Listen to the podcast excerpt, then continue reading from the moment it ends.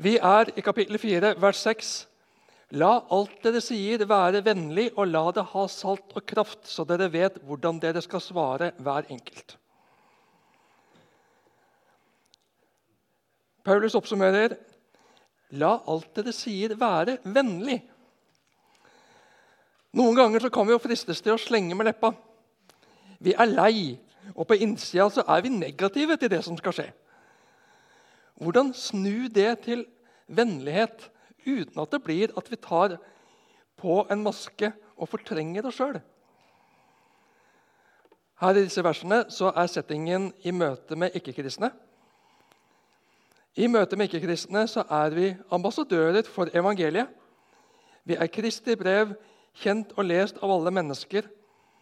Og I møte med slike uttrykk så kan vi fristes til å sette opp en vellykket, perfekt fasade for å gi det beste inntrykket av både oss selv og Jesus. Jeg tror ikke det er hva Paulus ville ha sagt. Vi skal være åpne, vi skal være ærlige, også med våre feil og vår kortkommenhet, også overfor ikke-kristne. Det er når vi våger å vise at vi også kan streve med livet, at ikke-kristne kan relatere til oss. Vi skal ikke gi næring til påstanden og anklagen 'dere som tror dere er så mye bedre enn oss'. Men kanskje er det våre kristne søsken som først og fremst skal få vårt sinne og vår frustrasjon. Og det er en form hvor vi deler det som vår smerte og våre utfordringer. For det som ligger under. Om uttrykket kan ha forskjellig, men klare å komme inn til kjernen og få ut det som ligger under. Vår smerte og våre utfordringer, bekymringer, kanskje. Vi skal få bruke våre troende søsken som en plass vi kan øse ut og be om forbønn, så de kan få styrke og oppmuntre oss. Så er det en viktig balansegang her. Men hvis vi stadig overfor ikke-kristne venner og familie klager over hvor trått og treigt det er i menigheten og blant kristne venner, hvordan skal de da få lyst til å prøve å forstå hva Kristi evangelium er? Og hvis vi er perfekte og glatte, bedrevitere som fikser alt, så er ikke det akkurat tiltrekningskraft i det heller. Jeg har tro på en ærlighet med livet som kan være utfordrende for meg rett som det er. En ærlighet med at jeg ikke fikser, ikke alltid fikser å leve opp til idealene mine. Og det er ikke idealene som er dårlige, det er ikke idealene som er feil. Men jeg kjenner på ulike dragninger og lyster i meg. En avhengighet av og en hengivenhet til Jesus som elsker meg uansett og en vennlighet i møte med alle mennesker. Det kan være med å åpne veien til Jesus for mennesker framfor å lukke. Og la det ha salt og kraft, så dere vet hvordan dere skal svare hver enkelt. Så skal vi ikke bare jatte med. Vi skal stå for det vi står for. Vi skal være frimodige på Guds vegne og Bibelens vegne. Det som står i Bibelen, er provoserende, for mange i dagens samfunn. Og det kristne budskapet provoserte også på Paulus' sin tid. Det var jo derfor han fanget, havnet i fengsel og fangenskap. Vi skal ikke kompromisse på det. Vi skal prøve å forklare, så folk kan forstå hva det betyr, og hvorfor det er bra. Vi skal prøve å bygge bro mellom Bibelens ord, som er Guds vilje for sin skapning, og våre medmennesker som lever i vår samtid øve oss på å oversette, så folk som ikke har gått på bibelskole eller blitt skolert i et kristen miljø, kan forstå hva kristen tro egentlig er, og hvorfor vi står for det vi står for. Så det kan bli meningsbærende og ikke bare sært og underlig for folk. Men det forutsetter selvfølgelig at relasjonen og åpen, åpningen er der i settingen. Det handler ikke om at jeg skal få levert ordene, men at det må være en relasjon som er, og en setting som er klar til å ta imot. At det er rom for ordene. Så er det siste delen av eh, Kolossebrevet hilsener. Paulus går til en avslutning av brevet til menigheten i Kolossai. Han har noen avsluttende meddelelser og hilsener han vil komme med, som skikk og bruk var og gjerne er i en del typer brevskriving fortsatt. Hils til den og den. Vi leser fra vers 7.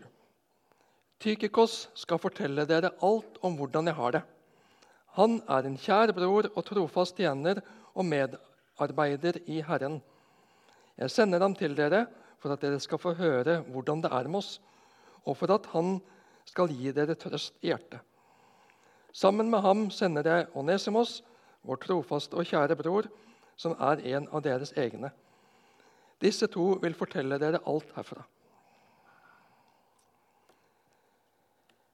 Tykikos han var en av Paulus sine medarbeidere og trolig han som brakte brevet til menigheten i Kolossai, slik vi nevnte innledningsvis i denne gjennomgangen. Når han kommer, så kan han supplere praktiske opplysninger og nyheter. Det behøver ikke Paulus å bruke blekk og papir på å forklare.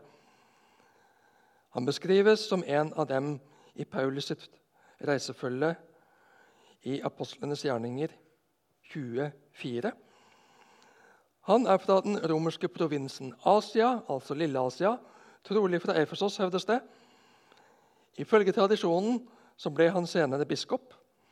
I et skriv på 600-tallet fra Auxibus uttales det kanskje, skulle han bli erkebiskop av Kypros.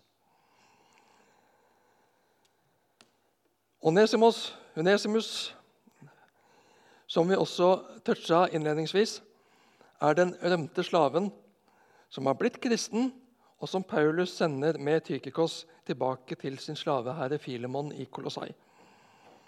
Med bønn om at nå, han nå ikke skal tas imot som en slave, men som en bror i Herren.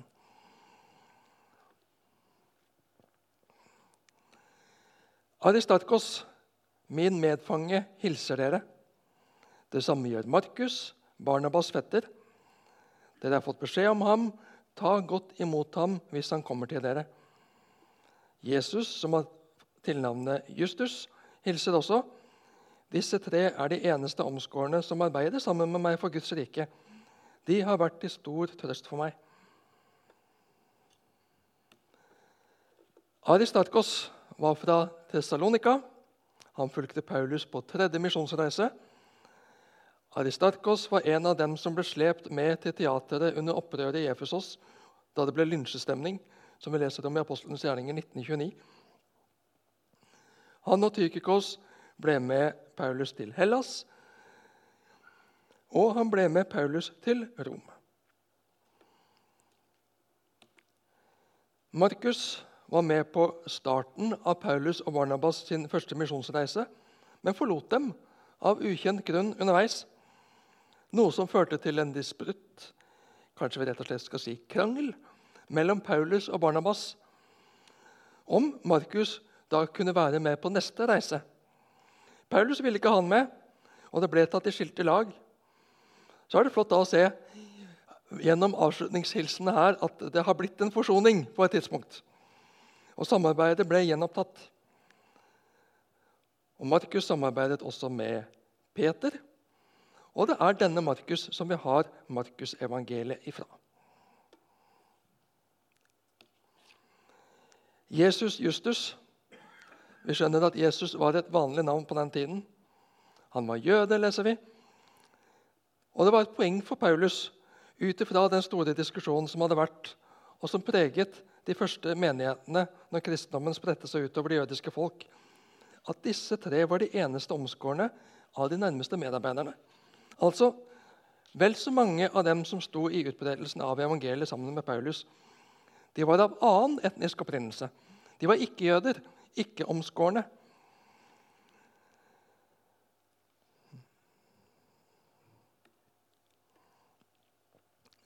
Epafras, som er en av deres egne, hilser også.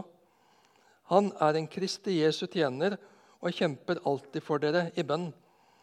Han ber om at dere må bli stående fullkomne og fullt overbevist om hele Guds vilje. Jeg kan være vitne på at han strever og arbeider for dere og for dem som er i Laudikea og Hierapolis. Epafas, Epafras var grunnleggeren av menigheten i Kolossai, som vi løfta fram den første kvelden. Akkurat nå er ikke Epafras i menigheten i Kolossai. Nå er han med Paulus. Kanskje er det et kortvarig besøk. Kanskje har andre overtatt ledelsen i menigheten i Kolossai, og at Epafras har gått over i annen tjeneste. Det hender at tjenesten forandrer seg. Men Paulus kan forsikre om at Epafras sitt hjerte er fortsatt med menigheten. Ja, han kjemper alltid for dem i bønn. Han vet at kampen ikke er over den dag en blir kristen, og at en blir med i en menighet. Satan ønsker ikke at vi skal ha fred i menigheten. Satan ønsker ikke at vi skal leve brennende og nært i troen på Jesus. Han vil gjerne så inn alle mulige tanker, bekymringer og engasjement i alle andre ting, slik at vi blir spredt og svakere og gjerne ensomme som kristne. Epafras kan ikke være hos dem nå, men han kjemper med dem i bønn der han er. Og han støtter Paulus, som sitter i fangenskap. Han ber om at dere må bli stående fullkomne og fullt overbevist om hele Guds vilje.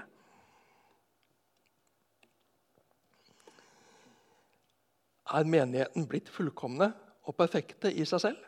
Nei. Men de er fullkomne, rene og rettferdige i Kristus må de ikke forlate den plassen. Må de ikke bli så opptatt av å blende inn i samfunnets tanker og tidens trender at de forlater nådeplassen i Jesus. For det er noe forsmedelig med denne avhengigheten av nåden. Vi vil jo gjerne videre. Vi vil gjerne klare oss sjøl. Vi fristes lett til å ta inn litt andre tanker. Det er jo forfriskende. Og så kan de tankene etter hvert ta plassen for evangeliet. Jeg gir meg selv noen privilegier for lang og tro tjeneste. Jeg tenker at jeg står så støtt. Og så ser jeg det litt mellom fingrene med noen småsynder. Og så merker jeg ikke at jeg blir kald, at jeg blir sløv, at jeg blir likegyldig. Og så blir Guds tanke og vilje mer perifer for meg. Jeg begynner å trekke i tvil Guds ords relevans om det ene og det andre. Epafras kjemper med dem i bønn om at de må stå fast. Jeg, Frank, pastor, ber for alle medlemmene i Misjonshuset med navn hver uke. Jeg er ikke sikker på om det kan kalles å kjempe i bønn. altså. Men en gang i uka i hvert fall. Eh, medlemslista er en fin bønneliste. Jeg får ha dere på hjertet mitt. Og når bønneemner og smerter deles med meg, så tar jeg det inn i hjertet og med i bønnelivet. Det er et engasjement, en brønn, bønn, et engasjement, en brann, en nød. Må ingen bli borte på veien.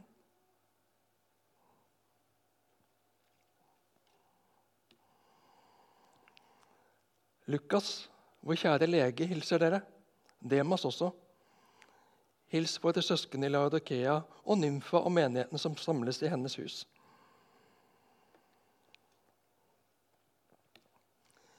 Lukas tilbrakte mye tid med Paulus. De var sammen på tredje misjonsreise. Lukas sitter med Paulus i fangenskapet i Rom. Og Lukas skrev Lukasevangeliet og apostlenes gjerninger. Demas var en trofast medarbeider en stund. Men av 2. Timoteus brev kapittel 4, 10, så leser vi at han falt fra fordi han fikk den nåværende verden kjær. Det var noe annet som tok plassen. Det var noe annet som tok hjertet. Bevar ditt hjerte framfor alt du bevarer, for livet går ut fra det.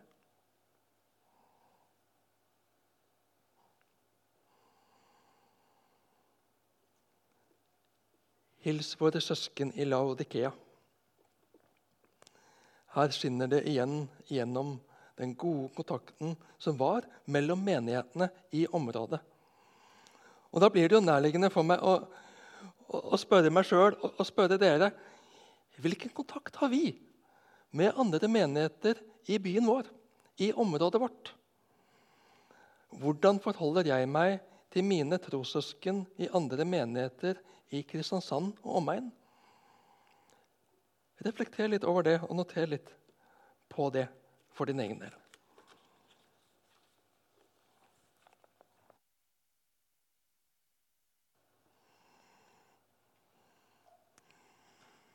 Og nymfa, menigheten som samles i hennes hus.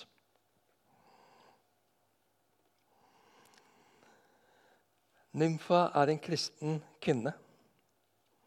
Sannsynligvis ei rik dame, velholden kvinne, da hun hadde et egnet hus til å huse menigheten i Laodikea. Vi har menighetssamlingene her i Misjonshuset. Vi har muligheten til å ha et eget menighetsbygg. Så langt var ikke Kolossemenigheten kommet da Paulus skrev til dem. Men de var fleksible og åpnet sine hjem og hadde samlingene i hjemmene. Og de som satt bedre i det enn folk flest, tok et ekstra ansvar. Nymfa var blant dem. Vi har smågrupper og foreninger hjemmene. Og vi inviterer hjem på middag på tvers og uformelle besøk for å knytte relasjoner med våre trossøsken i menigheten og de som er nysgjerrig på kristen tro. Siv og jeg vi var tydelige på det da vi gifta oss, at vi ønsket å ha et åpent hjem. Og det ønsker vi fortsatt. Men vi merker at det koster. Vi makter ikke å gjennomføre det så åpent og invitere så ofte som vi ideelt sett skulle ønske. Det skal krefter og overskudd til. Og det krever litt mot å invitere også. Vi legger lista for hva som skal på bordet, og hvordan det skal se ut under bordet og under sofaen før vi inviterer. Og så begrenser vi oss selv og indirekte hverandre. Kan vi hjelpe hverandre med å bygge ned terskler for å invitere? Og samtidig frigjøre hverandre fra dårlig samvittighet når vi ikke orker og makter å invitere folk hjem.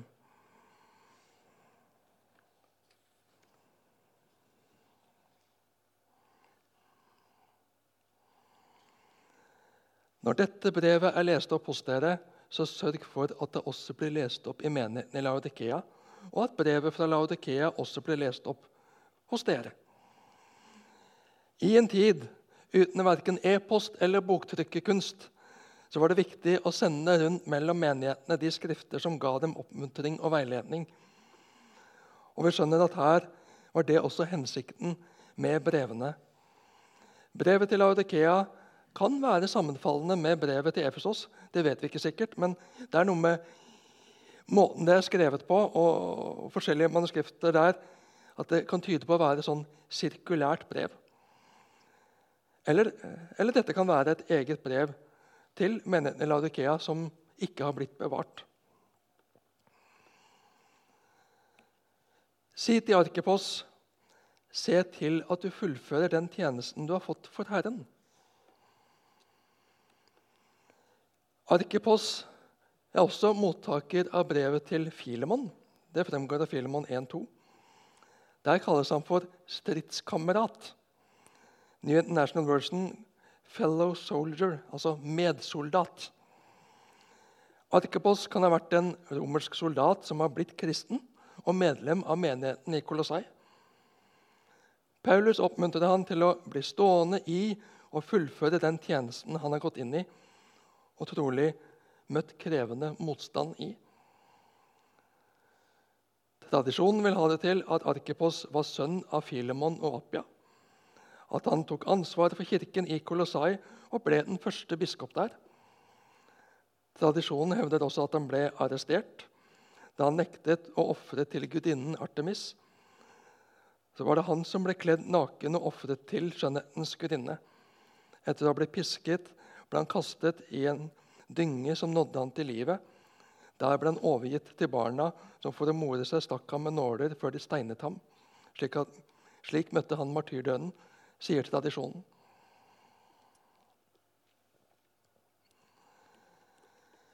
Jeg, Paulus, skriver denne hilsen med egen hånd. Paulus dikterte normalt sett brevene sine til en skriver, og flere ganger så ser vi at han avslutter med en egenhendig hilsen. Det var på sett og vis Paulus sitt godkjenningsstempel, så ikke fremmede skulle skrive brev i hans navn. Og en personlig touch ga det jo. Glem ikke mine lenker. Evangeliet er gratis. Evangeliet er Guds gave. Men det koster å følge Jesus i form av motstand fra omgivelsene som ikke vil akseptere dette budskapet. Paulus er ikke en suveren leder som tåler alt og klarer seg sjøl. Han trenger deres omtanke. Han trenger deres støtte og forbønn. Og Paulus vil også understreke at det han har skrevet til dem, det er ikke bare mindre viktig synsing, men essensen og kjernen og fundamentet i den kristne tro. De må ikke ta lett på dette. De må ikke la seg føre vill. For dette sitter Paulus i fengsel. Så viktig er det.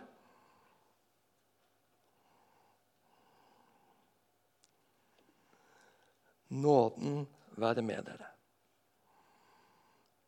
Det er nåden det står og faller med. Det er nåden som bærer menigheten og hver enkelt kristen.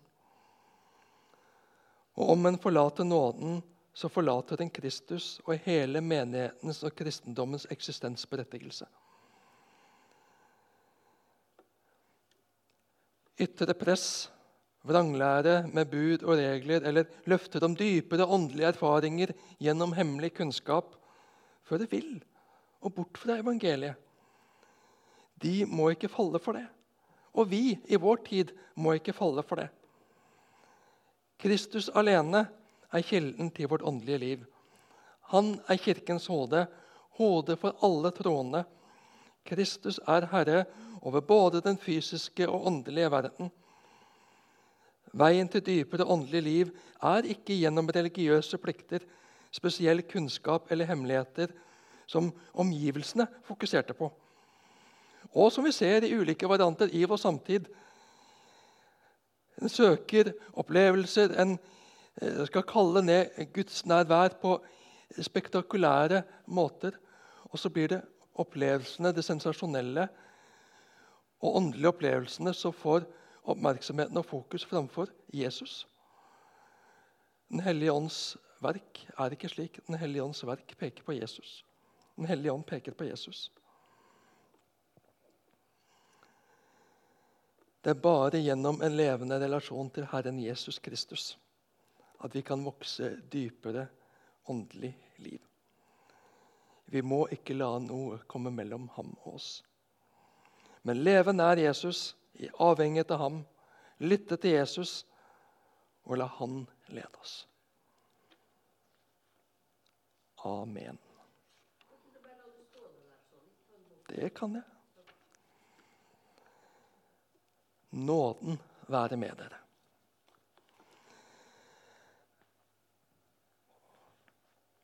Så har Paulus også her hatt forskjellige formaninger, forskjellig rettledning, som vi lett kan tolke som påbud, religiøse plikter, at jeg må gjøre sånn og sånn og sånn. Da feiltolker vi, da misbruker vi Paulus. Det er nåden som frelser. Det er nåden som skal bringe oss hjem, ikke det kristenlivet jeg får til.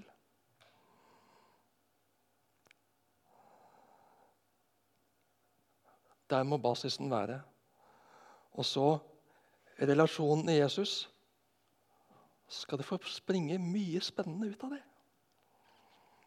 Ikke høye skuldre og krav og kav og mas, men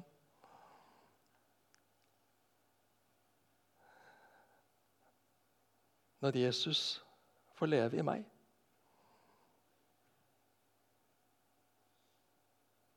Så er det ikke kjedelig. Så kan mye flott skje. Nåden være med dere. Må vi aldri forlate den, tenke at vi må komme videre. Det er nåden det hele står og faller med. Det er nåden som bærer oss helt hjem.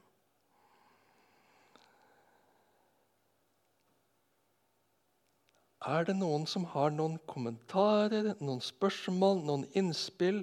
Det kan være respons på noen av de ettertankespørsmålene som har vært underveis.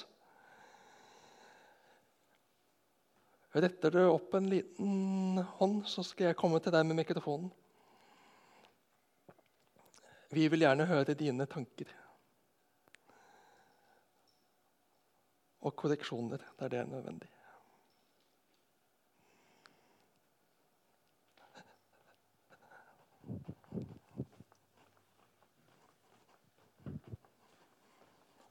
Vær så god, Svein Eirik. Takk. Eh, veldig fint å høre. Eh, jeg fikk med meg den siste bibeltimen nå. Jeg har ikke fått ord på de andre, men det var godt at jeg kom med på denne. Jeg har vært i, eh, i ny jobb i eh, Søgne. Og har i forhold til det som vi snakket om rett før pausen, så har jeg på en måte litt sånn kort tid, for det vikariatet går ut i, i juli. Eh, så jeg tenkte på en kollega, da. Men jeg vil lese et, et vers fra Efeserbrevet. Eller to-tre vers der som sier litt om, om vårt eh, vår del av det, av det, som Gud har på hjertet, det som Jesus vil at vi skal gjøre. Det får bety for andre. Eh, for av nåde er dere frelst ved tro. Det er ikke deres eget verk, men Guds gave. Det hviler ikke på gjerninger for at ingen skal rose seg.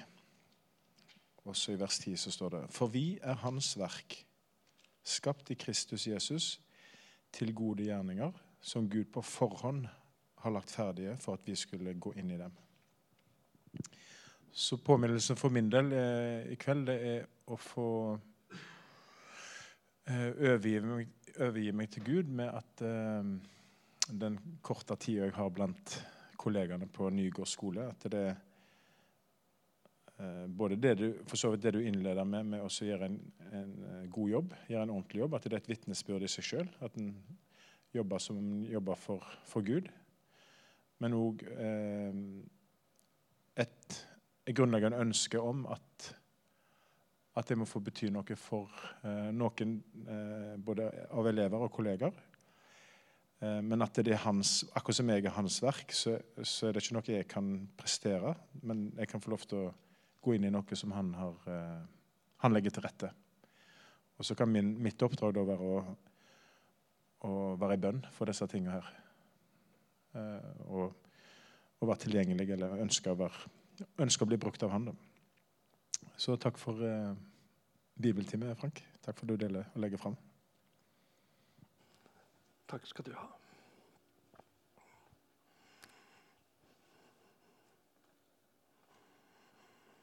Var det flere som vil dele noe, så vil jeg gjerne høre.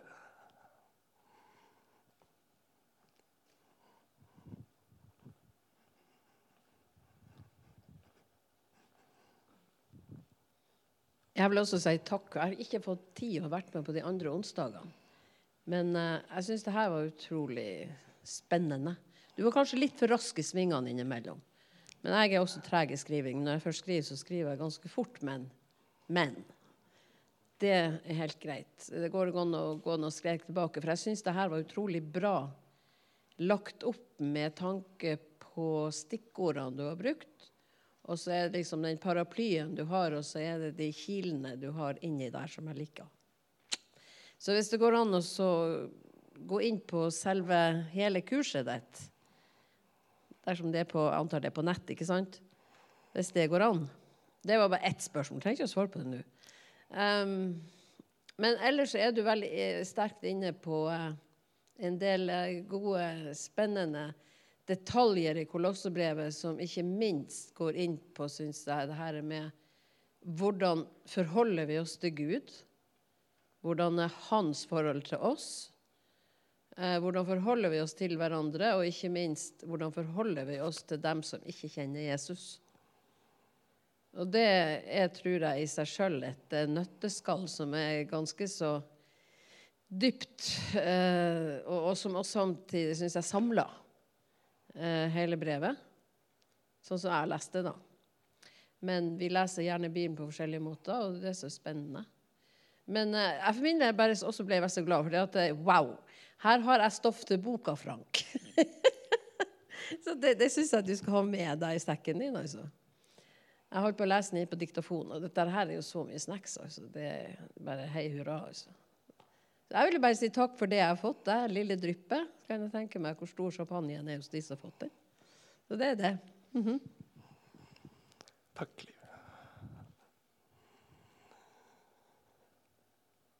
Undervisninga legges ut som lydfil på, på nettsida og på Spotify. Linka derfra. Og hvis noen ønsker powerpointen, så kan de sende en melding. så kan jeg sende det på e-post. Så det, det er mulig.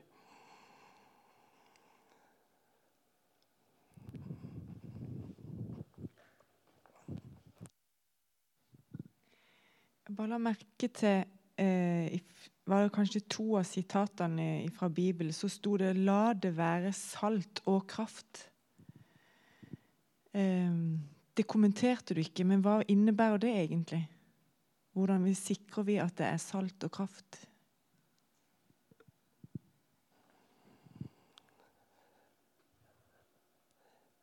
Det jeg tenker i møte med det, de uttrykkene, at uh,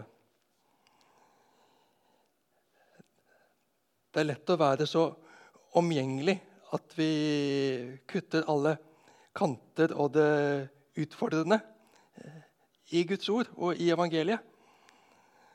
Men da, da mister det også kraften og saltet og, og virkningen. Så det å la evangeliet få stå som et helt evangelie La Guds ord få stå slik det er, uten at vi skal redusere det, for det passer bedre med samtidas tenkning. Det er i hvert fall én måte å se det på.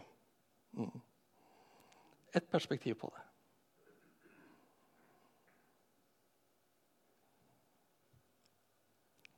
Takk for spørsmålet.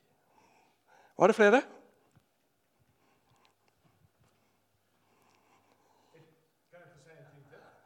Ja, ja. Det er ikke det. Har ikke operert med noe sånn antall eh, ganger begrensning ennå. i hvert fall. Nei, det står på veggen 'lys for hverandre, lys i verden, lys i byen'.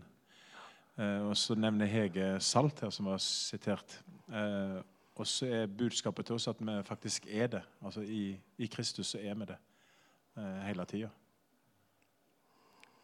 Eh, La det være. Ja, mm. Så vi virker som lys og salt der vi går og vandrer hver eneste dag. Flott.